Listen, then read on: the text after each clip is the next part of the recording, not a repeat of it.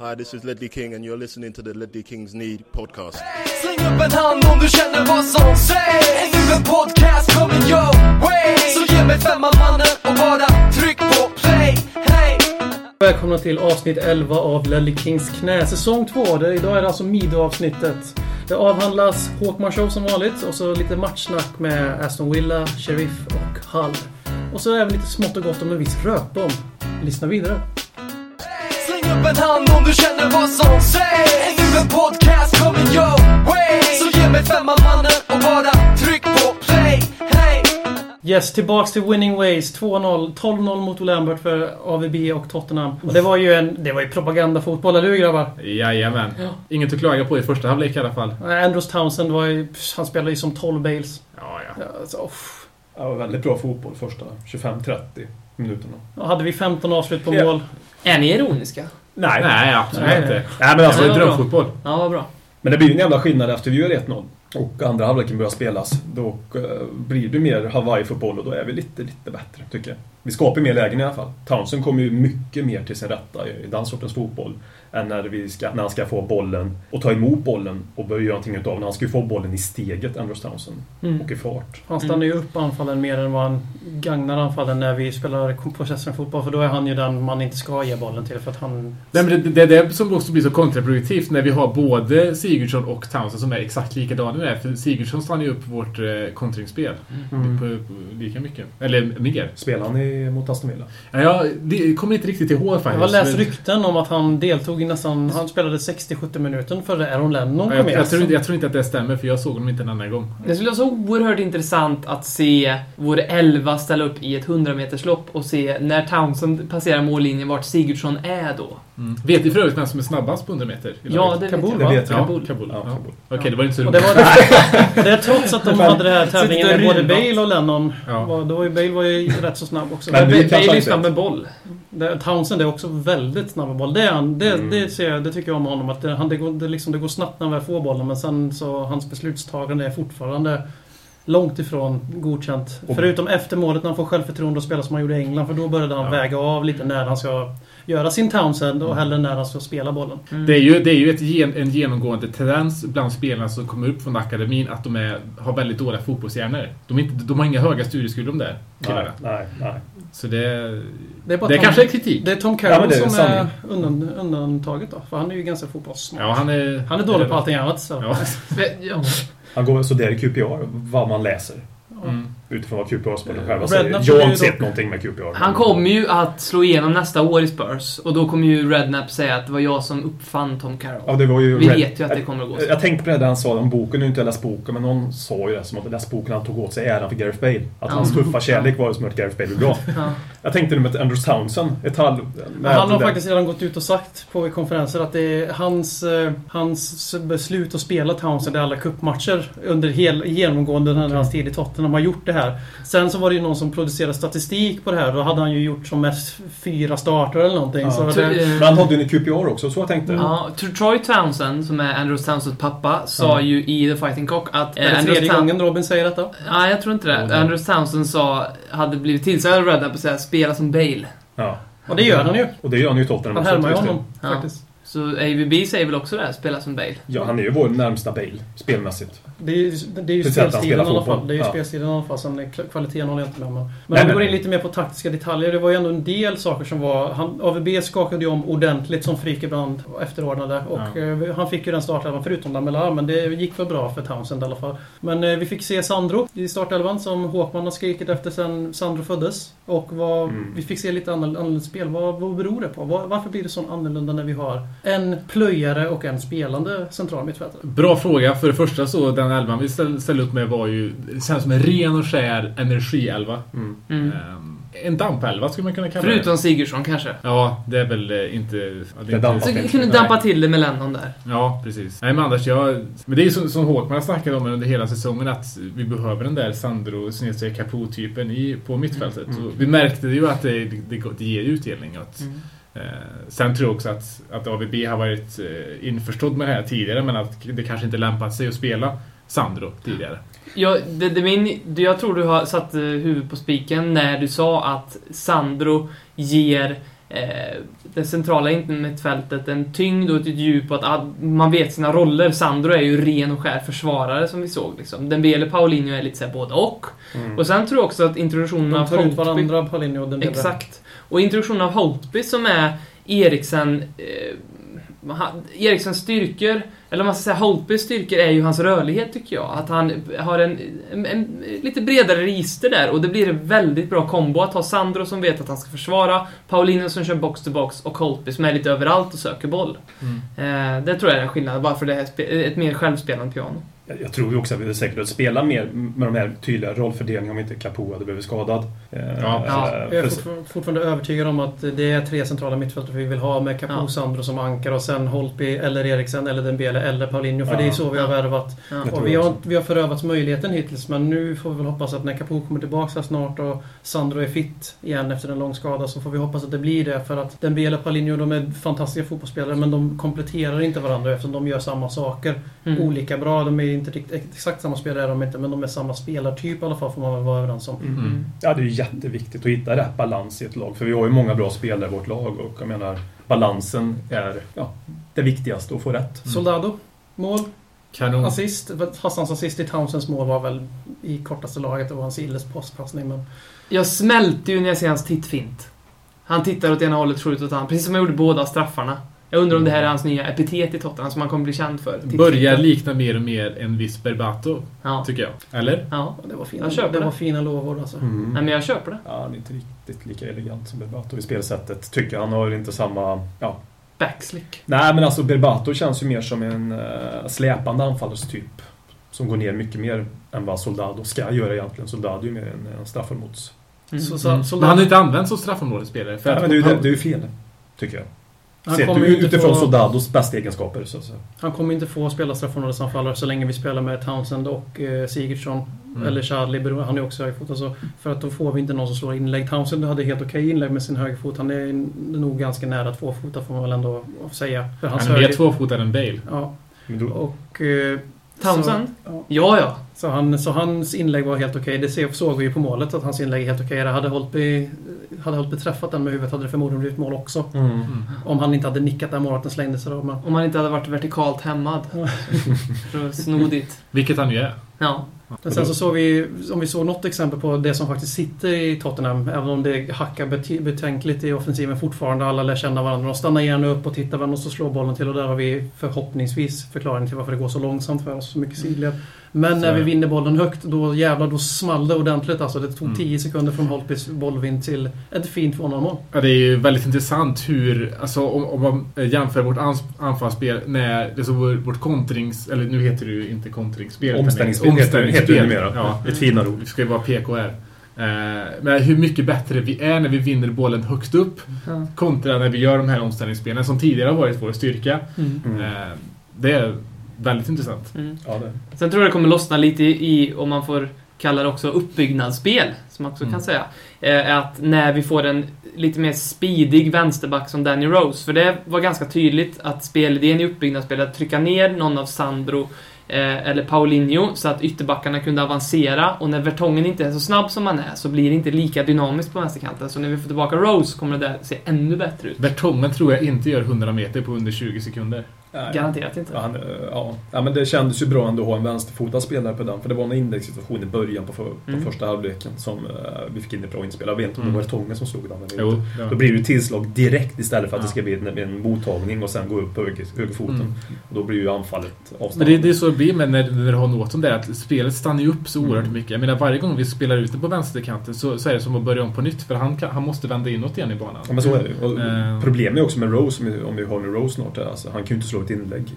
Det är det som är problemet. att Han kan slå inlägg. Han Man är är- brutalt och var dålig, så dålig på inlägg. Ja, precis. Han må- sitt liv. måste ju vara bättre för det här spelsystemet som vi spelar nu krävs det ju mycket av våra ytterbackar. Mm. Att de ska följa med upp i anfallen och eh, slå fina, fina inlägg. Jag tycker det, vi saknar det både- på båda ytterbackarna. Vi saknar det framförallt mer på vår vänstra ytterback, Danny Rose. Då. Jag tänker vi kan väl nämna en spelare till för att börja avrunda. För att eh, det är Vlad och han fick göra sin första startmatch i Premier League. Och jag tyckte mig se en hel del babyproblem. Och framförallt tyckte Ja. jag han påminde om en ung Michael Dawson. Ni som kommer ihåg Dawson när han slog igenom i Spurs, eller när han släpptes in, var att Utan Ledley King så var han en brutal säkerhetsrisk. Mm. Och Ledley King fick ju vagga honom fram till att bli hyfsat stabil. Han är fortfarande inte särskilt... Han är inte världens stabilaste mittback än idag. Mm. Men det var mycket sista minuten tacklingar och det glids och det slits ner spelare och det springs Han- på fel kubb, gubbe och... Mm. Sen vi håller nollan. Så helt Ja. värdelös kan ju inte ha varit. Men, vad, Nej, men- såg ni någonting i denna unge man? Som inte är så? Ja, det, är, det är som du säger, han är en säkerhetsrisk. Och det tycker jag också man har kunnat se i Europaspelet och i ligacupspelet. Eh, att även om det varit sämre motstånd, han har ju kunnat klara av det av den anledningen. Nu visste jag inte riktigt vad jag skulle förvänta mig när, eh, när motståndet var lite bättre. Eh, men det var samma tendenser, samma säkerhetsrisk. Han, han, visst, han, han redde ut det, så på så sätt vet man inte riktigt heller vart, eh, vad, hans, vad hans kvalitet är. Mm. För det kanske är bra. Jag menar, han kanske bara ser ut som en säkerhetsrisk, men, men är säkerheten själv. Liksom. Mm. Och ful i regn. Ja, väldigt fulering. Ja, Men det- jag gillar det. Det gillar jag också när han var för Rumänien. Då ska man inte vara Snygg i regn. hårdraget. Nej men i alla fall, jag, jag, jag tycker att han, eh, han... Alltså när man ser YouTube-klipp på åtta minuter på en mittback som lägger eh, halv, halva tio minuter om skott i krysset så blir jag oroväckad direkt. Han ska inte spela Alltså- med Dawson, han ska spela med någon som är mer åt Ledley King-hållet och Absolut. vaggar honom. De ska inte ha spelat tillsammans Det här, det här är som att spela med eh, Jonas Olsson och Andreas Granqvist som mittbackar. Det är exakt Fan, samma det, det grej. var fan i mig bra liknelse. Det är två, det är två icke-tänkande mittbackar. Jag älskar ju Dawson, jag älskar ju Dawson framförallt hundra gånger mer än jag älskar Vlad. Eh, Men det går inte att spela med de två mittbackarna ihop. Det, det fun- det funkar kanske den här typen av matcher, men när vi får lite större patrull då kommer det bli åt helvete. Bara En liten feedback på... Det är märkligt att Jonas Olsson inte är sån tänkare i fotbollen. Han är en oerhörd tänkare privat. Eh, Okej. Riktig filosof. Jag känner mig inte privat. Ja. Vänster också, väldigt vänster. Ja, umgås, umgås med ja. honom en gång faktiskt. Har du gjort det? Jajamän. Mm. Eh, men det var inte det jag skulle säga. Det var Vlad Kiriches. Eh, det, det enda, om jag jämför honom med Paulin... Hur, vad ska jag säga? Kirikes, va? Kiriches. Eller... Kai Richards. Ja. Kyle Richards låter det... Kyle Richards. Vlad Kyle Richards. Eller Kyle The Richards. Vlad, Kyle Richards. Ja. Eller från Rag, Rags to Riches. Eh, eh, ja, eller vad fan som helst. The Vladinator.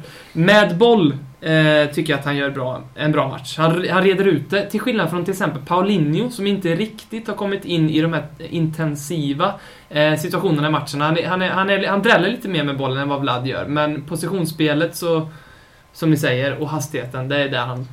Eh, först och främst så skulle jag vilja säga att man kan inte betygsätta mittback efter hur bra han är med boll. Utan det är snarare tvärtom som jag skulle vilja betygsätta mittback. Och där, där, har, där är det inte så mycket att... Nej, nej, men han, han löser de situationerna på ett bra sätt. Sen, sen så Paulinho, så det är ett, vi har, som VM närmare så har vi haft samarbetsproblem i laget. Men Paulinho ingår ändå i det samarbetsparet som kanske har presterat bäst jobb, eller förvånansvärt bäst jobb. Och det är, det är han och, eh, och Soldado som har i den här första matchen visat sig passa väldigt bra ihop. Tre avslut låg de ju bakom mig. Precis. Mm. Och eh, därefter så har vi ju samarbetet på högerkanten med Walker och Townsend som börjar sitta riktigt bra. Mm. Börjar faktiskt göra det. Ja, så där... Eh, ja. Ja, men eh, är vi nöjda där? Det känns inte som att vi har så mycket mer att säga förutom att Benteke är överskattad. Man of the match brukar vi inte ta ut. Det har vi glömt inte gjort förut. Har vi gjort det förut? Nej. Vi Men skiter i vi det vill göra det. Nej, vi tar det det nu. vi Vi, vi kör det nu. ny trend. Ett ord, ett ord. Andros.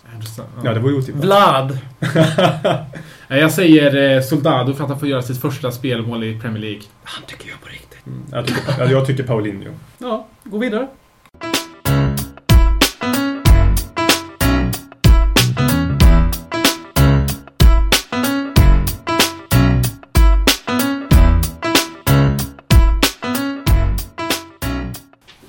Ja, vi riktar blicken mot Moldavien och Sheriff där Tottenham ska gå upp i en dust värdig Barcelona och Real Madrids El Clasico.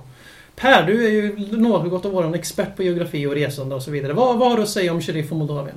Eh, för det första så är det väldigt, ett väldigt vackert land. Situerat mellan eh, Ukraina och Rumänien. Rumänien som vi ju har lite eh, connections med i form av eh, Vlad eh, Kiriches, var det vi skulle säga va? Eller Kyle Riches. Eh, jag, för, jag tror att Moldaviens premiärminister heter just Vlad. Vlad Voronin heter han. Nej, Vlad Filat heter han. Okej, Nära. så kanske det var. Mm. Voronin var före presidenten. Mm, stämmer mycket bra det. Och eh, ja, Moldavien styrs ju av ett kommunistparti och vi kan väl outa vår podd nu också som, ett, som en vänsterpodd. Tycker jag. Extremvänsterpodd. Det, Ja, det är ja. li, lite, lite i klass med Livorno. Det, det, det är ju jag, jag får ju sitta i opposition här då. Eh, men det gör jag ju gladeligen. Eh, och det är också kanske därför Per som du kan fortsätta. För helvete, du är mest vänster i hela podden. Tyst nu. Att, att Moldavien är en av Europas fattigaste länder. Det skulle jag väl inte kalla dem. Men De är kanske fattiga ekonomiskt, men de är rika i vä- människovärde. precis. Och sen så, är det också, sen så är det också att den här staden är ju, ligger väldigt nära Ukraina också. Så att det kanske finns lite ukrainska influenser. Tottenham-supportrarna kan då värma upp på Club Babian då och sen gå till... Ja, det kan de åka göra. till Tiraspol eller vad fan det är. Besöka Rebro kanske. Flyger kapitalisten Daniel Levy med på en sån här resa? Nej. Nej. Nej. Det är för dyrt. Flyger kap- kapitalisten Robin Jonesfield med på resan? Ja. Nej. Nej. Vi, har Det- ju det vi har ju sparat ihop pengar för att skicka dig dit. Nej. Ja, du kommer just det. Du kommer ju vara på plats. Du Jag ju skulle ju inte- bli stenad. Men du ska ju inte på THSs match. Du har missförstått det här. Du ska ju åka på bortamatchen nu. Ja, det, det, det här har ju... Det här är ju ja, hur moldaviska flickor då? Hur ser de ut? Väldigt vackra, väldigt vackra. Det är idel blondiner, stora, vackra, fylliga... Nej, ta bort det. Nej, Nej, det- nej, nej, det får det, du stå för Ben. Om vi, om vi behöver stå med Robins sexistiska tweets på Twitter, nog fan så ska det där vara med också. Om jag behöver stå ut med ett vänstersnack så ska det därför vara kvar. Eh, vad har vi i övrigt på Sheriff? De har väl vunnit ligan 4, 5, 6 år i rad eller något sånt där. Eh, Punkt. Punkt.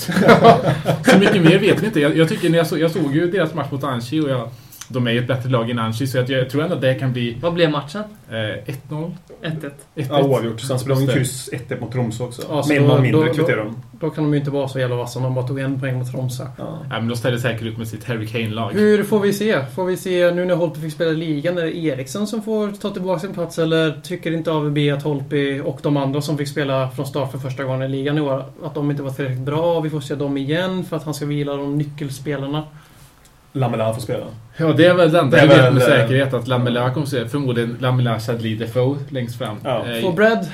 Nej, han får inte Nej. spela för Loris får spela alla matcher. Ligacupen får han spela. Tror Kiriches får fortsätta spela?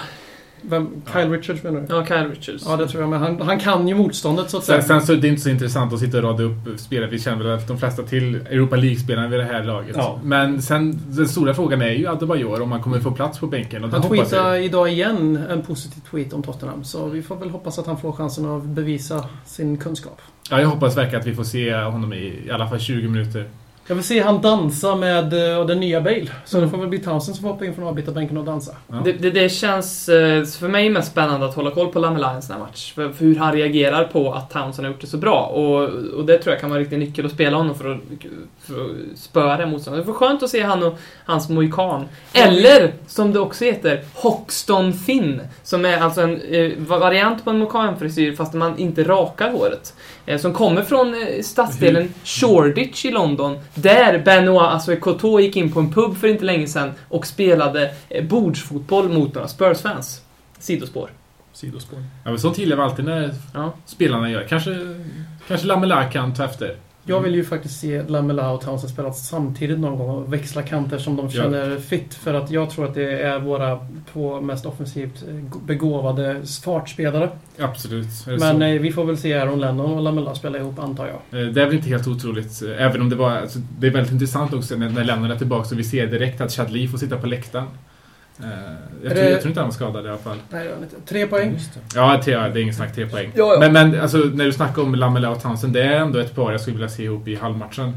Eh, Så som säger, våra En av dem. offensivaste... Ja, jag skulle vilja se båda två en av halvmatcherna vi möter dem Jag, jag, direkt. gillar Ja, just tank, det. jag gillar tanken, jag tror jag har sagt det förut, att eh, Townsend Lamela spelar och att de byter kant då och då under matchen. Mm. Jag gillar den tanken. Jag har inte gillat den tanken förut eftersom att jag tycker att det ska finnas minst en högerfotad bland de två positionerna. Men i det här läget där liksom Sigurdsson har visat sig ganska osynlig de senaste matcherna samtidigt som Townsend har nästan blivit opetbar. Vem trodde att man skulle säga den meningen för sex månader sedan?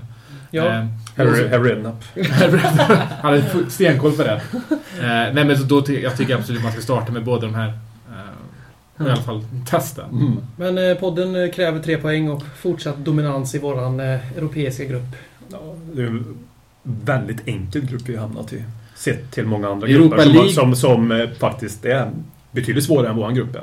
Det är Vi ju nog- ungefär kommer jag svagaste Vi hade gruppen. en ganska, ja, absolut. Men Det det är ju på grund av vår väldigt höga koefficient. För vi har varit väldigt mycket, vi har varit med länge i Europa Jo, i flera år. Ja men det är klart, men vi är fortfarande sidad ett och sen är det några som sidad tvåa, trea. Ja, vi hade väl tur i och fick de rätta tvåorna och treorna och fyran också för den delen. För Tromsö skulle ju egentligen inte ens vara med i den här turneringen. Nej, det ska de inte. Så, Det blir ju en ännu längre Golgata till slutspelet än i fjol. Slutspelet i fjol var det ju få som hade klagomål på för det var ju riktiga europeiska stordöster. Mm. Men eh, i år känns det som att det är lång väg dit för det blir intressant det här. Ja, för, fördelen också om vi vinner gruppen det är att vi får börja, börja alla matcher, eller inte alla matcher till en viss början, får vi börja på bortaplan i alla fall. För, Mm. Förra året fick vi börja alla på hemmaplan. Vi Mm. lyckades med att bli två efter Lazio på grund av tre bortdömda mål i samma match. Ja. Som inte var bortom när Corcoran gick in, det minns jag fall. Det är många, många politiska duster man står inför när vi är ute i Europa League. Ja men Lazio för ena säsongen och nu åker vi till Varsin eh, liksom. Tiraspol och sen så får vi stryk för att vi är judar i, i, i Frankrike. Det är Mm. mycket politik alltså. Ja, jo, men det är ju så. Det, det är sånt Vi något den vänsterpodden tycker om. Vi, vi gillar politik i fotboll. Mer politik i fotboll helt enkelt. Ja. Det är väl vårt ställningstagande som vi alla kan hålla med om. Ja, ja. vi ja, pratar ja. mycket om. Ja, Så vi går över till uh, Tiger... eh, ja vi går väl över till eh, Hull City Tigers Hidden Dragon. Som de väl heter numera, tror jag. jag Ja, tror har bytt Ninja. Kamikaze. Ja, Ninja Kamikaze har de hunnit byta namn till. Hull City Ninja Dragon Kamikaze Tigers med den nya Tony Tiger-maskoten kommer alltså på besök på White Hart Lane. Förstärkt av Tom Huddlestone. Och eh, jag har ju gjort en djupgående scoutning av de här och jag vet att de är ganska lika Aston Villa. De är bra på att attackera längs kanterna. Det går fort. De har faktiskt fått eh, en ganska bra status som att de försvarar sina ledningar ganska ofta. Jag vet inte hur ofta de tar ledningen i och för sig men... Det finns ett stort eh, frågetecken dock och det är väl på anfallssidan? Eller? Ja, deras bästa målskytt är vänstermittfältaren Liam Brady tror jag han heter. Nej, det tror jag inte han heter. Nej. Liam Brady. Vad heter han då? Liam Brady var ju typ Arsenals största spelare på 70-talet. Det måste Ja. varit Robbie Brady. Ja, Robbie Brady. Fy, fy fan, tänk om han har Hur fan, vet du, hur fan vet du vad Arsenals bästa spelare på 70-talet? Ja, men man har väl läst Fever Pitch? Nej. Ja, det. Fever Pitch som också är en film. Ja, En skriven jävla- av Nick Hornby. En jävla skitfilm, vet du. En jävla skitförfattare. Är Jimmy Fallon i den? Eh, nej. Nej. Och I alla fall deras svagheter då, likt Aston Villa och Hull City Ninja Dragon Tigers. John Cusack tänker du på? Så är det. Med Robbie, Dr- Robbie Brady som storstjärna och Curtis Davis. De, eh, de är dåliga på att eh, försvara sig längs kanterna också. Det känns ju som att det är ju väldigt bra för Tottenham Hotspur just nu. Att eh, de är svaga längs kanterna defensivt. Känns ju skönt också att, de, att vi slipper möta Jake Livermore. Som, Ja, bulldozern.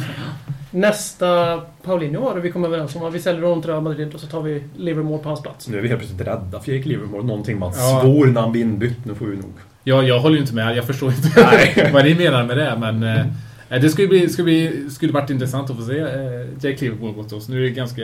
Nu är det skönt att de inte får ställa upp med sitt ordinarie in mitt. Det är ju bra. Utspart. Men det, det, det, liksom, det står ju skrivet i sten att Huddeston kommer göra sitt mål mot oss. Och han får jättegärna göra mål så länge det inte har en påverkan. Gör, gör får Tom göra ett 3-1 mål, typ. Så jag, jag, ska, jag ska bara rätta dig. Eh, Jimmy Fallon är med i den amerikanska versionen Ja. av Fever Pitch. Tillsammans med, tillsammans med Drew Barrymore. Ja, som Ja. också är bisexuell. Men det har inget med det här att göra. Men Colin Firth var det jag tänkte på, inte John Och jag fortsätter läsa på om Arsenals historia nu så fortsätt en diskussion Mm. pojkar. Ja, nu kommer jag inte ihåg vart jag var riktigt. Ehm, Nej, men jag tror att Huddeston har med en rakapparat så att han kan eh, eventuellt raka av det där lilla fluffet i halvtid om det skulle vara så. Jag vill ju se han springa fram till AVB med en bärbar rakapparat han har i byxan och bara. Jag, jag är på matchen. Eh, Jag åker på fredag till London. Jag hoppas att jag får träffa många Lelle Kings knälyssnare och att ni får ge mig konstruktiv feedback att ta med mig till podden. Och jag tänkte även göra lite reportage. Eh, Hur det kommer att se ut får Det hör ni nästa vecka. Ja, det hör ni nästa vecka. Jag funderade på det i bilen idag när jag åkte hit och tänkte så här. Om... Kommer jag stå och sjunga Tom Halsen-ramsan? För jag, Halsen har ju lämnat på ett sånt sätt liksom som att vi gillar ju honom fortfarande. Han har ju inte lämnat på ett liksom Modric-sätt. Så, och vissa spelare får ju ändå... Defoe sjöng vi ju när han kom Mm. eh, med Portsmouth så sjöng vi ju Jermaine Defoe He's Zero. Kommer vi sjunga Tom? Jag skulle vilja göra det på läktaren. Gör det då. Jag tror det det. tror jag kommer nog sjungas. Det tror jag. Alltså, Om inte annat så tror jag det kommer sjungas på Bricklayers innan matchen. Ja, det kommer det garanterat göra. Så då... Nej, jag, jag tror absolut att vi kommer sjunga, eller vi, att du. Mm. du kommer Jag- sjunga Ja. den här låten någon gång under Mm. de där 90 minuterna. Mm. Sen tror jag dock att man kan komma att eventuellt sätta om sången i att, halsen. eh, att Dronesville blir den första som de kommer plocka av från White Hart Lane för att ha sjungit i jorden. Han är den enda som sjunger Ja, det på Jag, jag på skulle vara West Stand. stolt. Jag skulle vara så oerhört Och det stolt. blir bannlyst från White Hart Lane resten av ditt liv. Då skulle jag inte vilja göra det. Eh, nej, det skulle inte vara värt det.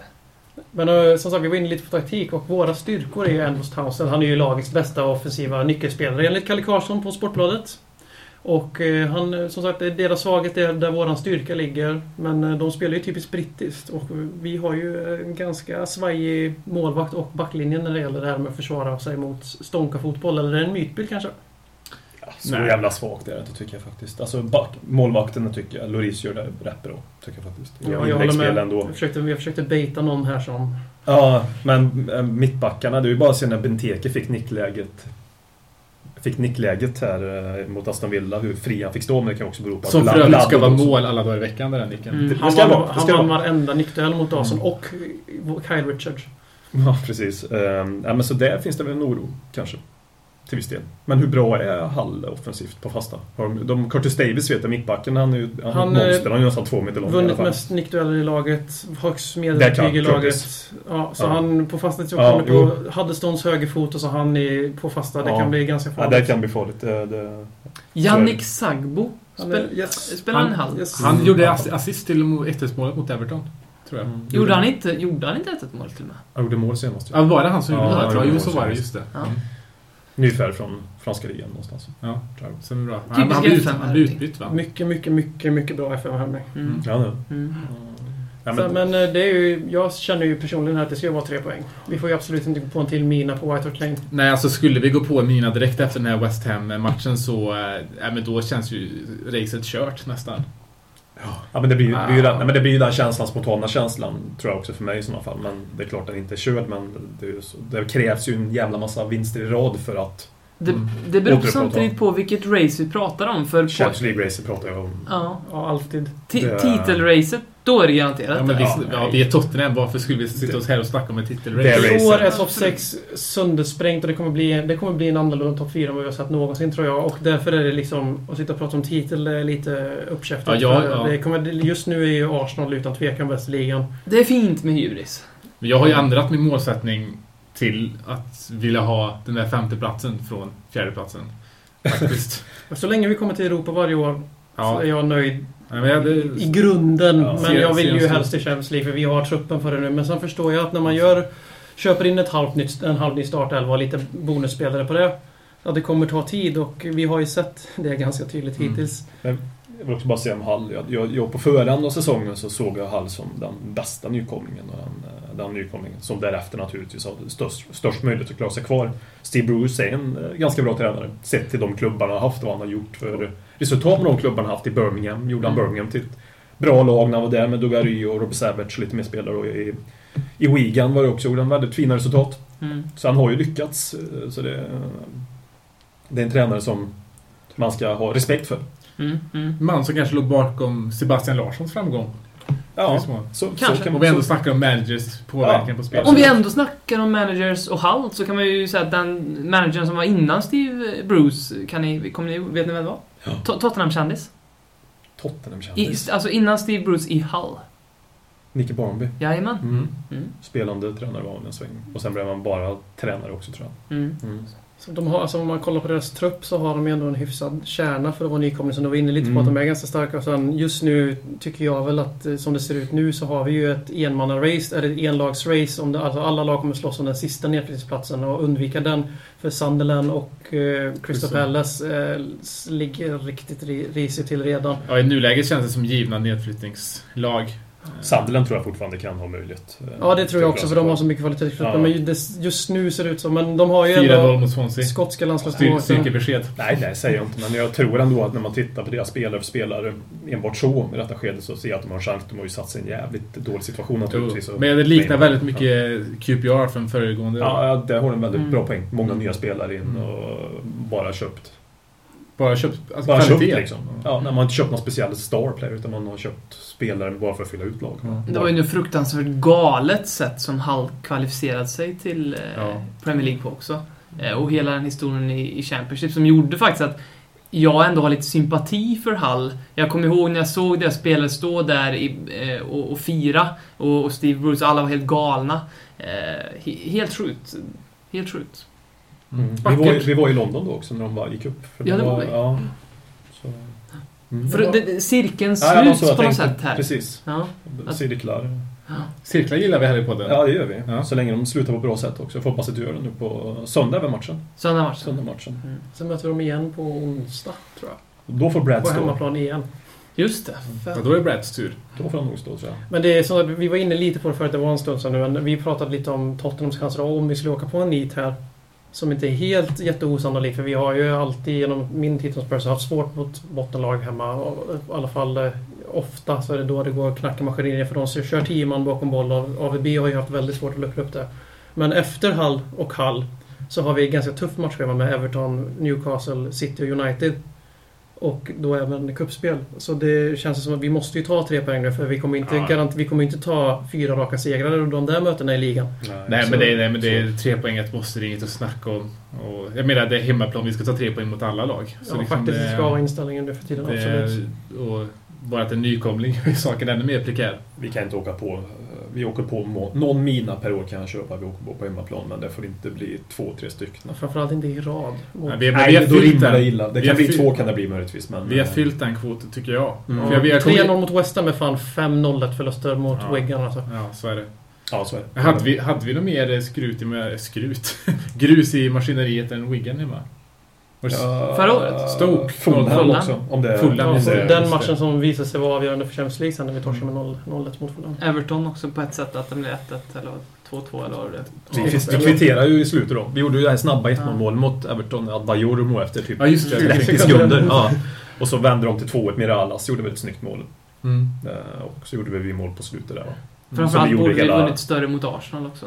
Eh, Men Det behöver vi alltid göra. Vi måste mot Arsenal. Den ideala matchen är alltså att Tottenham gör ett par mål, det flyter offensivt och att eh, Tom Huddleston får reducera i slutet. Ja, så länge det inte har någon inverkan på... Väldigt Resultatet. vackert. Och Alltså, att jag hinner trumfa förra... Eh, öl, öldrickande. Ja, får du ölskörden. göra. Eh, Vad ska du upp i nu då? 20? ja, det är 14 i alla fall. 14 på en timme? På två timmar. På för två vi körde ju timmar. 12 på två timmar. Det är Ja. ju, ja, nu har vi skrytit den här kanske fyra gånger i podden. Men, ja, om det men, nu är skryt. Ja, Ja, det är också en Det, det definitionsfråga. det är en definitionsfråga. Ja, vi gillar alkohol i den här Ja, men det gör vi det, naturligtvis. det, det, det är en alkoholpodd där i alla fall. Ja. Det kan vi säga. Och sen vill jag också att det ska ryka någonstans i närheten av du sitter. Ja, eh, rökbomb. Eh, jag, det, det, är någonting som jag skulle kunna tänka mig. Jag kommer ju inte prick, pricka en linjedomare eh, med mina Nej, Mowgli-armar. men en fjärdedomare kan vi i alla fall passa på att träffa. Nu tror jag inte det var den- den typen rykande som Håkman... Eller? Snackar du om rö alltså, rökning här eller? Du, Nej, du, du, ja, ja, du snackar om rökbomber? Snackar Rö- Rökbomb pratar jag om nu. Snackar om rökning, mina fisar eller rökbomber? Rökbomber. Rökbomber, okej. ja. Jag vill säga att du bräng, bränner av bengaler på standen. Bara ställer dig med en blå och en vit och bara... Ja. ja. Du är, Då skulle jag i alla fall få, då skulle jag i alla fall få en inbjudan till att vara med i The Fighting Cock. Ja, du har ha- en du- ständig inbjudan hem till mig när du vill också. Jag har inte det nu alltså. Jo, ja, Tveksamheten. Men eh, ska vi snacka lite mer om eh, rökbomben eller? Ja. yes.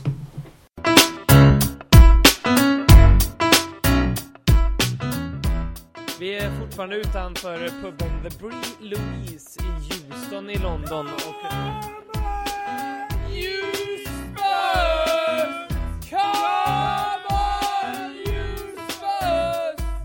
Och eh, läget är väldigt stabilt här. Eh,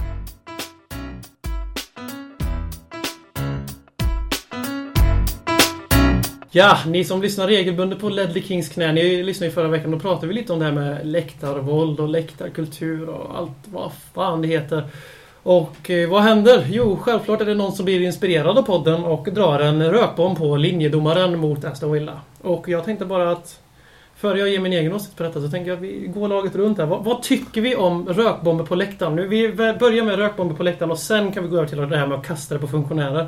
Någon som känner sig manad? Ja, först rökbomber på läktaren. Ja tack. Ja, det känns verkligen som att när, när vi har... När jag ser en rökbomb i Tottenham-klacken då vet jag att jag håller på rätt lag. Men visst börjar det bli en ultrasutveckling i och med Palace. Det är ju de som gör det. Ja. De är ju ultras på riktigt. De, så. Men nu, det Ja, men- börjar komma lite så det hände väl... Var det... Någon borta, något bortalag på White Hart Lane förra året drog, drog någon typ av färg i det i alla fall. Det kommer jag ihåg. Mm. Jag kommer inte ihåg vilka det var bara för det. Men jag tycker jag har aldrig sett det någonsin förut. Nu har jag sett det ett antal gånger på olika arenor att det kommer väldigt min mikroskopiskt. Men det händer i alla fall. Sånt som vi kallar för läktarkultur i den här podden. Det är ett första steg. Är det. Eh, Och i jag goda tider. håller med Frykebrandt. eh, Att jag vill verkligen se det. Jag vill se flaggor. eh, Jag vill se rökbomber. På läktaren. Jag tycker det är snyggt. Men det finns inget snyggare än ett snyggt organiserat tifo med pyroteknik. Det finns fan inte det. Som supportrarna har gjort. konfetti. Som Ulf, supportrarna har gjort. Mm, inte som Barca har gjort. Liksom. Så, Eller typ som som våra- Barca gör. när klubben sponsrar. Ja, det. för- Eller våra flaggtifon vi hade inför Champions League-matcherna. Och Ja. sen, eh, för att bara, det finns en, en solskenshistoria om det här. Som eh, att en person då i publiken ska ha tänt den här rökbomben och stått nära en eh, man som var där med sin familj. Och den här mannen då skulle ha snott rökbomben för att skydda sin familj och kastat bort den och träffat lindomar. Från röken. Ja, precis. För att skydda familjen. Det, det som motsäger den här historien är att det är väldigt sällan, tror jag, som man åker med sin familj på en bortamatch till att börja med. Det är väldigt sällan med familj, utan det är lite mer hardcore fans där. Eh, Det som kan stödja teorin är ju lite grann att kastet är så oerhört bra. Och att man får någon form av reptilbeteende från den här pappan som gör att det blir så Och bra. reptiler är alltså bevisat pricksäkra. Jajamän, jajamän, jajamän. Reptiler är oerhört pricksäkra. Eh, sen så tror jag att det här är en, en fullständigt bullshit-historia eh, för att släta ner det här lite grann. Eh, kanske lite med, om man får vara lite konspirationsteoretiker här, eh, något som klubben själva försökte plantera för att liksom Eller så är det någon som bara vill plantera det för att de får se hur långt det kan gå på Twitter. Vi har ju sett en hel del sånt med Ja. sociala medier. Ja. Ja, men eh, jag tänker vi har ju en expert på ämnet. Bayern, eh, Hulin och Casual, eh, Tifo, Meister, Håkman. Vad har Ja, du att säga om detta? Jag är långt ifrån expert på detta, men alltså jag har en åsikt om att jag tycker att det var viktigare än 1-0 målet, kände jag spontant när vi... eh, Så... ehm, Ja, ja, det har ju kommit fram lite i de engelska, engelska arenorna den senaste tiden. Jag har också sett rökbomber, bengalska eldar, men jag har aldrig sett något från oss. Sen kan man ju ha missat någon gång, men de senaste, det är första gången jag har sett eh, från Tottenham. Och eh, ja, jag blev jätte, jätteglad att de tände en rökbomb. Det, ja, det kan ju vara lite en effekt utav den här eh, 1882 movement som, har, som har varit. Dock tycker jag det är synd att det, att det eh, ger lite... Att det drar in rörelsen i dunkel lite nu när det, det blev som det blev. Eh, men ja, det tycker jag Det är ju... väldigt olyckligt. Det är ju Eh, konstigt egentligen att om det skulle vara avsiktligt att han kastar in, att man gör det i samband med att man gör 1-0. Att man kastar in på plan då. För det mest logiska är väl i alla fall att man tänder den då, i samband med ett mål. Det var väl antingen, det var väl någon idiot bara som ville... Jag vet inte. Det kanske inte var menat att träffa domarna. Eller? Nej, det, alltså, Det det, det, kan, det kan vi, Det kan, det det vi konstatera att det var definitivt inte eh, med att träffa domaren. För om det var det, Då då, ska han ha cred. För i så fall var det bästa kastet. Ja. Eller så missar han huvudet. Tyvärr. jag, jag, jag förkastar ju direkt det här med att kasta det mot funktionärer och spelare. Jag tycker inte det är så in på plan heller. Utan Nej, nej, hör det ska vara kvar på läktaren. Men eh, jag kan ju definitivt se logiken i att det tänds efter 1-0. För det är adrenalin och det är jubel och det är då sådana där saker känns mer naturliga än om det händer absolut ingenting på planen. Nu är jag motiverad Ja, ja. och inspirerad Ja. att dra en Förstår inte, varför man, här. ja, förstår inte varför man inte skulle göra det. Jag förstår inte Robins tes där. Men det är möjligt att han... Att, Att- han, vilken att det lät logiskt i hans lilla hjärna. Vilken tes? Att det var, det var ologiskt att hända den efter Tottenham gjorde 1-0. Ja, jo, tändaren ja. Men att kasta in på plan, det förstår jag inte när man gjorde mål. Nej. Kasta in den på Att, plan. alltså, att tändaren, När, när skulle man då kasta in den på plan, tycker du? ingen gång Vid ett alls. byte? Ja, precis. Nej, men jag menar, det är ju klart det ska tändas då när det blir mål. Det jag ska fråga Håkman är, vad, vad, vad står det här för? Alltså, vad, varför pyroteknik? Är det något, något speciellt liksom? Stämning. Ja, det är för Det att stämde, liksom höja och koreografin på läktaren. Att Ja. Det är liksom en, en kultur från eh, Sydamerika framförallt som har växt sig stark genom Sydeuropa och sen upp till eh, ja, Skandinavien de senaste... Bayern började med, med pyroteknik i- på 90-talet Mm. till exempel. Tidigt 90-tal. Och det är jättestarkt i Sverige. Det är ett sätt att uttrycka sin kärlek till klubben. Vi ska, men om vi pratar efterspelet och det som händer är att domaren eh, blir lite chockad. Förståeligt nog. Det blir Absolut. ett lite kortare uppehåll. Sen så blåser de igång matchen och domaren fortsätter döma på samma linje. Linjedomaren Mm. där. Och ingenting händer. Inget hot om stängda dörrar på White Hart Lane. Nej. Och inga poängavdrag. Och det som förmodligen kommer hända är att klubben får böter. För att det är bortafans. Och att eh, Tottenham-supportrarna kommer få tillträdesförbud på en utvald bortamatch. Förmodligen, det är vad jag läst mig till. Ja, det är såklart oerhört olyckligt. Det är tråkigt för Eh, alla som För, för det första så förstår jag inte riktigt med att stra- straffa klubben för en händelse vid en bortamatch. Eh, Jag tycker inte att man ska straffa hemmaklubben heller i och för sig, men det, det är ändå där säkerheten brister. Hos eh, Det är, Aston ju, koll- det är ju kollektiv bestraffning men det är ju på åtminstone beskedligare nivåer än vad det är här i Sverige. Mm. Hade det här varit i Sverige, det var- jag tror jag reagerade väldigt starkt när jag såg det för jag tänkte fan hade det här varit i Sverige så är det ju två matcher stängda, lukta dörrar och Oj, tre minuspoäng. Och, och tänk dig alla rubriker. Nu vet jag inte, jag har inte läst tidningar så det kanske varit ganska mycket rubriker. Ja, hyfsat också. får man väl ändå säga att det var i Sverige. Men eh, i, I Sverige, Sverige hade det alltså. varit eh, extra bilagor. Till exempel om det hade hänt något av Stockholmslagen Ja. så hade det där som... Sen så var det ju tur att det bara var, var en rökbomb och så kunde det varit något värre. Det kunde varit ett päron också. Så det, Det är ju tur att det blir så lindriga skador på domaren. Ja. Men sen så är det såklart att man ska ju ge all cred till domaren också. Jag menar, och domarteamet att de fortsätter med matchen. För det, annars, som det har varit i Sverige, har de ju tenderat till att göra en höna av en fjäder. Vad säger du om svenska domare? Är de, är de eh, små? De gillar att stå i centrum, säger Ja. domare. Det är det Ja, vi, de- hade, det- alltså, vi har ju många... Det är inga vikingablod i dem. Nej. Vi har ju, dels hade vi Päron istället, sen hade vi Degerfors hade hemmamatch. Det var en domare som blev stucken av en geting och sa att han hade blivit skjuten. Och en soft airgun. Ja, så Mm. det är liksom... Det är, Och då avbröt de matchen 20 minuter. Ja. Jag tänkte på det. det är lite mer stål i de engelska domarna. Det måste jag säga. Ja, jag tror det är inte bara engelska domare, utan engelsmän generellt. Nej, Eh, det, Nej, mycket verkligen. men om jag, om jag sammanfattar. Då är, vi säger att det är mer, mer sånt på läktaren, men ge fan i att kasta in det på plan. Absolut. Ja, helt, helt rätt. Ska vi, det, ska vi gå över till andra stora ämnen då? Vi har två till jag hade tänkt här. Vi kan ju börja med ni som kommer ihåg det avsnitt vi också gjorde för några veckor sedan med, om ordet jid och användandet och inte. Och då har ju klubben nu fått tummen ur och anställt ett företag för att göra en undersökning om detta. Så de intervjuar helt enkelt klubbens medlemmar. Mm. Och då får man kryssa i ett formulär vad man tycker och varför man tycker så, hur gammal man är, vilken etnicitet och vilket kön och allt vad det är hör till. Mm. Och jag, vad de ska göra med detta är väl att de ska väl använda det som material för att få Beslutsunderlag. få beslutsunderlag för att vad ska Tottenham göra med, med ordet jid? Om de ska bannlysa det från sin egen arena och så vidare. Och så vidare och vad spelar vidare? Vad, vad tycker vi spontant om detta? För jag har sett på Twitter att det är väldigt selektivt vilka som har fått den här. För jag personligen har fått den men det är massor med Nej, men det folk på är... ehm, Twitter som inte har fått den alls trots att de går på varje match och så vidare. Ja, alla som är medlemmar ska ha fått den. Sen så är det väl troligtvis att man, eh, de har gamla mailadresser eller någonting. För den, den, Ja, det men står det, att den ska det, gå det till alla gå till medlemmar. alla medlemmar. Jag fick den också, men jag har inte svarat på den än dock. Jag råder alla att göra det för att... Har du svarat på den? Ja, Svå, svå, svåra rätt också. Du- Va, vad var det för fråga? Hur var den uppbyggd? Var det ja och nej-frågor? Vad fick du skriva någonting? Man fick skriva varför man, varför man resonerade som man gjorde och sen så fick man klicka i och ålder, allt som jag precis sa.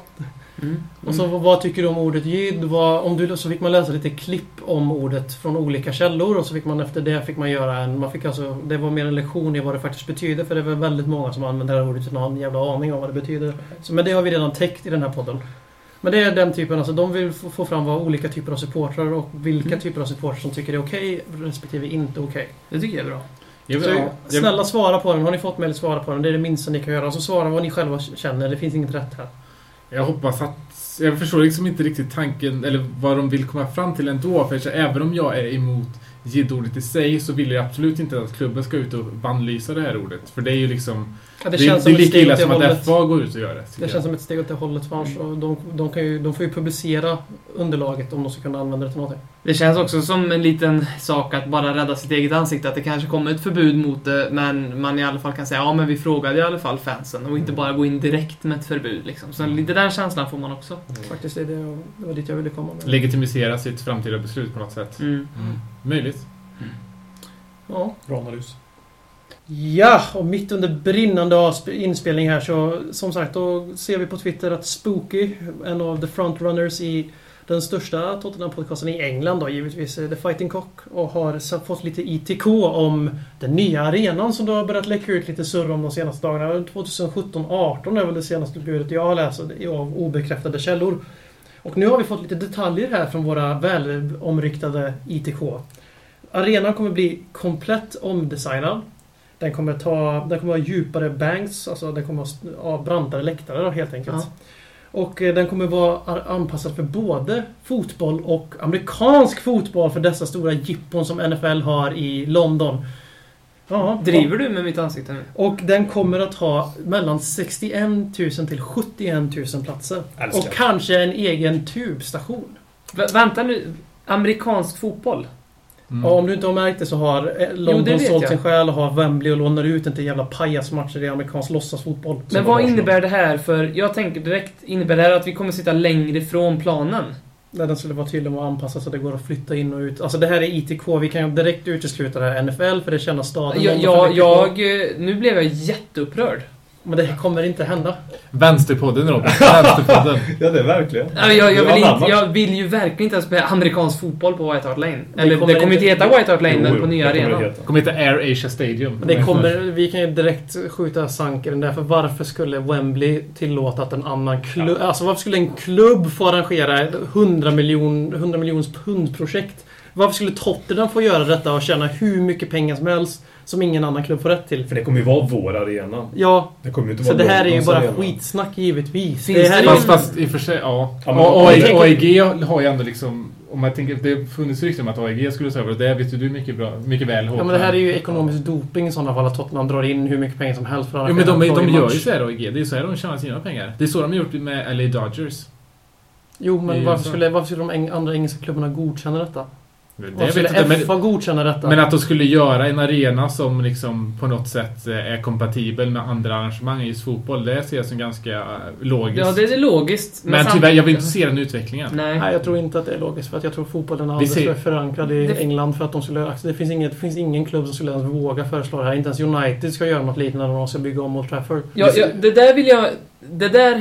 är- Alltså att det används till andra ändamål är en grej. Alltså jag tycker jättemycket om Wiggen för att det spelas rugby där. Det tycker jag är coolt liksom. Det är en rugbyarena liksom. Och, men när, och rugby på, i Tottenham, det, det skulle... Ja, okej. Och cricket, ja, det skulle inte få plats, men ja, ja. Men amerikansk fotboll? Ja. Ja, men som sagt, vi, Det är det, det, där, det där är ju ett rykte som kommer fram ungefär samma veva som det där jävla fotbollslaget jag hälsade på Tottenham. Och det var ju någon amerikansk fotbollsspelare från något lag som satt och tweetade på officiella tweeten i flera timmar idag eller igår. För att de har ju någon, han är ju ett Tottenham-fan. Så det här är ju väldigt lämpligt passat ITK som kommer ut när vi håller på med det här Förstår fjanteriet. ni att cheerleader-tjejerna, engelska kvinnor som ser så ut som de gör, förstår ni hur de skulle se ut? Ja, det Bara vet du bäst själv som engels, Ja, de är inte vackra. Det är bra att du säger det här och inte vi. Ja, nej men det, det här kan jag ta Eh, ur skägget. men det här- Männen är oerhört vackra, men kvinnorna från Storbritannien. Vi avslutar med att säga att det här är bullshit. Det är bullshit. Vi kommer få en ny arena men inte den här arenan.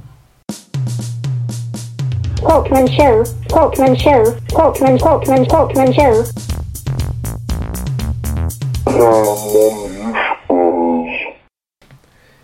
För första gången ska jag lyfta upp en spelare. Och eh, vi liksom skriker efter våra defensiva fält här nu för tiden som eh, djur, som för att prata ungdomsspråk på fritidsgården. Eh, Sandro och Capo, det är ju liksom två fältherrar och vikten i dagens fotboll och att ha den här defensiva slitvargen som bara tar skitjobbet, så att säga. Eh, vi hade ju en sån, eh, som jag ser det förr också, eh, som spelade i klubben, David Howells. Som spelade i klubben från eh, 85 till 98 och då hann med han 335 matcher han med på den tiden. Om man räknar med kupper och ligaspel och allting. Och han spelade ju även i Southampton och- och Bristol City, men de klubbarna gjorde bara nio matcher, åtta matcher innan han la av. År 2000. Så det är väl det närmsta vi kommer en One Club Man, så att säga. Utan egentligen att vara en One Club Man, alltså eftersom han gjorde spel i 200 klubbor. Eh, han blev såld 98 som sagt, men då var Christian Gross som var tränare och Christian Gross är ju inte känd för att ta de smartaste besluten under de dryga ett år han var i klubben och det var väl återigen inte ett smart beslut. Jag tänkte bara dra upp ett, ett, ett mittfält som vi spelade med då när David Howell skulle vara vattenbäraren för att liksom beskriva vilken extrem otacksam uppgift han hade. Och det var säsongen 94-95 när Osvaldo Adiles var tränare. Och eh, de som känner till Osvaldo Adiles som tränare minns ju att det var, att det var bara rock'n'roll framåt. Det var 4-4 och 5-4 matcherna och oftast förluster med 4-1 och så vidare. Då hade vi i alla fall ett mittfält med Anderton, Dumitrescu, en rumän, eh, Nicky Barnby och så på, uppe i anfall hade vi Sheringham och Klinsmann. Och då skulle Howells ta allt defensivt jobb för de här fem. Famous Five som de kallades då under Osvaldo Adiles. Så det var väl ingen eh, tacksam uppgift för vår eh, legendar, som jag vill kalla honom ändå, gjort 13 år i klubben, David Howells. Så det var min lilla stund för att lyfta fram en gammal fin legend från 90-talet och 80-talet. Tack! Talkman show, Talkman show, Talkman, Talkman, Talkman show.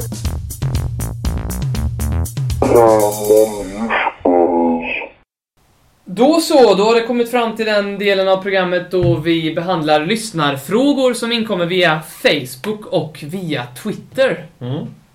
Eh, Tobias Hedberg har undrat när det kommer lite Ledley Kings knäprylar och vi kan väl säga där att eh, om det är någon som jobbar på tryckeri, eller någon som känner någon som jobbar på tryckeri, eller kanske någon som känner någon som känner någon som jobbar på tryckeri, som kanske kan fixa någonting, så är vi eh, villiga att samarbeta. Och är det någon som är en duktig musiker som skulle kunna tänka sig att göra en riktigt bra spursig jingel till Ledley Kings knä, så eh, gör den och skicka in till oss så kan det bli våran nya jingel. Det vore kul. Det vore jätteroligt. För att promota saker. Sen har vi väl lovat att eh, den som hade bästa Show Your Spurs-spelen skulle få en tisha. Men vi har ju inte... Ja, det är inte jag säger jag, jag hävdar fortfarande att inte vi har fått tillräckligt många Show Your Spurs-spel som är tillräckligt bra för att få någonting. Nej, nu, är du, nu, är du, nu är du lite tuff. Nej, jag, tycker man, jag tycker vi kan förvänta oss mer. Nej, jag tycker, jag tycker det är inte, här är det inte våra lyssnare vi ska klaga på, utan här är det Robin vi ska klaga på som har haft hand om det här. Ja, ja, men det var Ja. givetvis det jag menade. Ja. ja, såklart vi menar så. Ja, hallå, Ja, nej, men jag- det är jag- bara Robin vi kritiserar. Hallå. Jag skriver ner det på min to-do. Ja, det är 40 punkter nu eller? Nej då. Fixa det här nu, för du har ändå lovat. Absolut, men fortsätt att alltså, tagga bilder med eh, Show Your Spurs och så kör vi någonting, eh, något bra pris här helt enkelt. Vi, vi, vi fixar det. Ni får gärna skicka in någonting till fanbloggen också. Absolut. Martin Holmén via Twitter vill höra lite mer om Marcus Håkmans buddhistiska tro. Mm. Ja, jag är ju superbuddhist. Ironi. Jag är inte alls buddhist. Men vi- alltså jag, jag gjorde en tweet eh, häromdagen när vi fick möta Portugal. Eh, vi blev lottade mot Portugal. Så skrev jag karma is a bitch. Och så hashtag jag SVFF. Och då tyckte väl han att... Eh, så efter, att jag, jag skrev det för att Bayern blev bestraffad eh, efter guys incidenten Och då trodde han att... Att eh, fick vi möta Portugal, Portugal, Portugal, Portugal för att Bayern får spela utan publik. Och då skrev jag, enligt Buddha skrev jag då till den. Eh, Men jag är inte buddhist. Men, eh, Alltså det är karmatänket finns där. Jag gillar Ja. det här. Karmatänket, det SVF, SVF får ju sin karma rakt upp i örat här. ja. Men varför skulle Buddha hjälpa Bayern när ingen annan gör det? Men han kanske gör det. Ja, Men fan-tv-Budde är väl Ja, grönvitt? Ja. Fan tror Buddha. Ja, det är Fan-TVs... Eh, Vi behöver inte plugga dem. Producent. Jaha, ja, ja, okej. Mm. Näst, nästa. Ja, tack, tack, tack för svaret. Ja, det var ett konstigt svar. men Ett svar. ja. Herr Holmén skriver, han har en Nile City-referens Är det här en annan Holmén? Ja, det är en annan. Det finns Martin Holmén, så finns det Herr Holmén. Vi har Viktigt två att- Holmén som Eller så har han två Twitterkonton och är... Ja. Eh, han undrar hur många lyssnare vi har. Eh, Fyra! en kvarts miljon. Eller vi har sex lyssnare, för vi har oss fyra och eh, två Holmén. Jag lyssnar två gånger också, så du kan räkna mig två gånger. Åtta plays. Har vi någon koll på hur många lyssnare vi har? På Vi riktigt? gjorde en mätning i början, eh, det kan vi, då hade vi 2000 lyssnare. Mm. De första avsnitten på Svenska fans enbart hade vi ju över 5-6 tusen klick på varje länk. Och sen får du lägga till de som lyssnar på andra ställen också. Det är ju tyvärr så att man nu inte har vi 15 kvar. Det är ju tyvärr så att eh, iTunes inte lämnar ut de här siffrorna. Nej. Så man kan inte kolla exakt hur många lyssnare man har. Så det är Vi- därför svårt för oss att svara på den. Så vi har, tyvärr ingen, vi har tyvärr inget svar på hur stor fanbasen är för Tottenham i Sverige. Det är ju inte våra fans, utan det är Tottenham-fans som lyssnar på oss för vi pratar om Tottenham. Vi ställde ju frågan till. Matt Mellow när han var intervjuad i podcasten och då sa han att han trodde att det kunde vara upp till 40 000 Tottenham-fans i Sverige och den är jag jätteskeptisk mot. Så många lyssnar inte på Ledley Kings knä Det, det går, alltså, det går inte. En annan eh, bekanting för att namedroppa och ryggdunka vidare är ju Robert Folin. Fantastisk Fifa-assisterande coach till mig. Vi har ett fint samarbete. Och sidospår. Han undrar vad hade krävts för er för att sätta en Arsenal-tatuering på er annars fina kropp? Jag hade inte nöjt mig med någonting mindre än 6000 svenska kronor. Jag ska mi- alltså minst 6000 ska jag. Det täcker ungefär tatueringar. 5-8? För, nej, för lite. Nej. Nej, men det... Det, fin- Alltså, det finns kan nu. du, det, det är ju baserat på den här City United-färgen. Är det Någon som har koll på varför han gjorde det? Ja, Hans eh, dotter hade väl cancer, va? Ja, det var för att... Eh, det, det sjuka var att han skulle samla in eh, pengar till välgörenhet. Och mot pengarna som det motsvarade var ungefär 15 000 svenska kronor. Det var 1500 pund. Och det gjorde han en, ett City-fan, alltså en United-tatuering. Mm. Eh, det är ju strångt. Vart gjorde, ursäkta, vart gjorde på, han armen. på, på Det- underarmen. Tydligt så in i helvete. Ja, ja, alltså. Men Det är jag- väldigt behjärtansvärt det han gjorde, men jag skulle inte göra det för 15 000. Alltså jag frågar ju mig var man får idén att man ska tatuera in det värsta, äh, värsta laget som finns enligt mig. Så jag tatuerar in på min kropp för, för välgörenhet. Var, varför kommer, var kommer den idén ifrån? Är det, för, att- är det för att de tycker det är kul att ge honom pengar för att han, de, han får lida för det? För då är det ju väldigt martyraktigt det här. Han är, tot- han är egentligen Tottenham-supporter. Det är det som är... Då följdfrågan på det här är ju vad är, för er är större än Tottenham? Vad går före Tottenham för er? Ja, jag har, sagt, jag har haft den här diskussionen många gånger med min kära att om jag... Om hon ligger för att föda vår första barn Kanske eventuellt andra barn och hon ska in och föda ungen och Tottenham spelar match samtidigt så tänker jag ta med min iPad och kolla på Viaplay i förlossningsrummet. Underbart! Det jag tycker det, vi, vi, andra behöver inte svara på det, för det, Det, det, det är den nivån. Det är den nivån. Jag trodde jag skulle få Giro, Giro, men ja. Nej, vi gillar inte det ordet. Vänsterpodden. Sista frågan. Nej, det, ja, Ja, ja. kör. Nej, Henrik. Henrik Getelius ehm, skriver så här. I nästa avsnitt, ta upp Kabul som samtalsämne. Varför? Han har varit borta i två år nu och knappt spelat. Hur kan alla säga att han ska gå in och peta Dawson eller Verts? Och då syftar han på Jan Vertongen såklart. Har man varit borta så länge så ser jag det som svårt att han kan ska kliva in och peta någon av dessa. Det är en följdfråga. Är det dags att fundera på att köpa en ny mittback istället för Kabul? Och vem skulle det kunna vara? Så det är ungefär fyra frågor Ja, där. jag Men- tror för vi har avhandlat det där med att köpa in en ny back Mm. och det har vi sagt att det behövs ju i januari. Om jag får säga varför jag förespråkar Kabul så är det för att han är smartare än Michael Dawson, kompletterar John Vertongen bättre på grund av det och han är, verkar, enligt mig, han är bättre i luftrummet än han är vår bästa luftstarka back. Mm. Och Ja. han är, jag tycker att han är en bättre ledare än Michael Dawson också. Han, han var ju alla de här sakerna. Jag är lite tveksam till ledarsaken där, alltså jämfört med Dawson. Men alla de här sakerna, andra håller jag med om. Men det är ju tveksamt om man är där nu fortfarande efter så lång skadehistorik. Om man någonsin kan komma Fast tillbaka. Smartare är han ju fortfarande oavsett. Ja, jo, Det- det har du också rätt i. Men, eh, men de här fotbollsegenskaperna, förutom det han har på hjärnan och eh, ledarförmågorna som jag inte tycker om. Var det Johannes Kabul som, läste jag rätt, eh, Martin Joll Nej, det var Kevin Prince Boateng som eh, Martin sa du får inte spela i laget. Eh, och för att sätta press på honom för att han skulle och han prestera. ner sig direkt. Och då vekte han ner sig. Och, och Kabul- Kevin Prince? Ja, Kevin Prince Mm. Boateng. Han gick ut i veckan och sa det.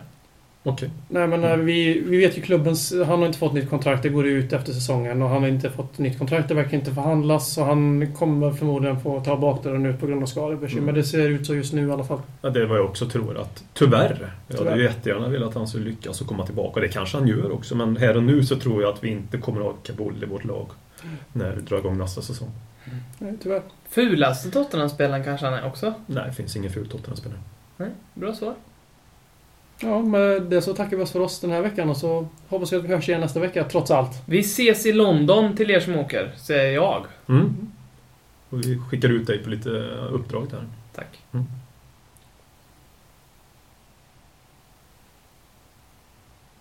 Hej då.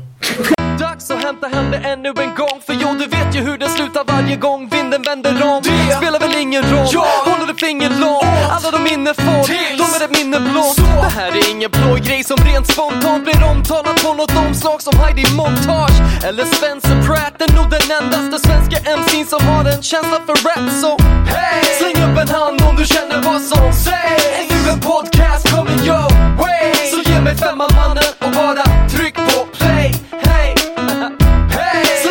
hand om du känner vad som sägs. Ännu en podcast coming your way. Så ge mig femman man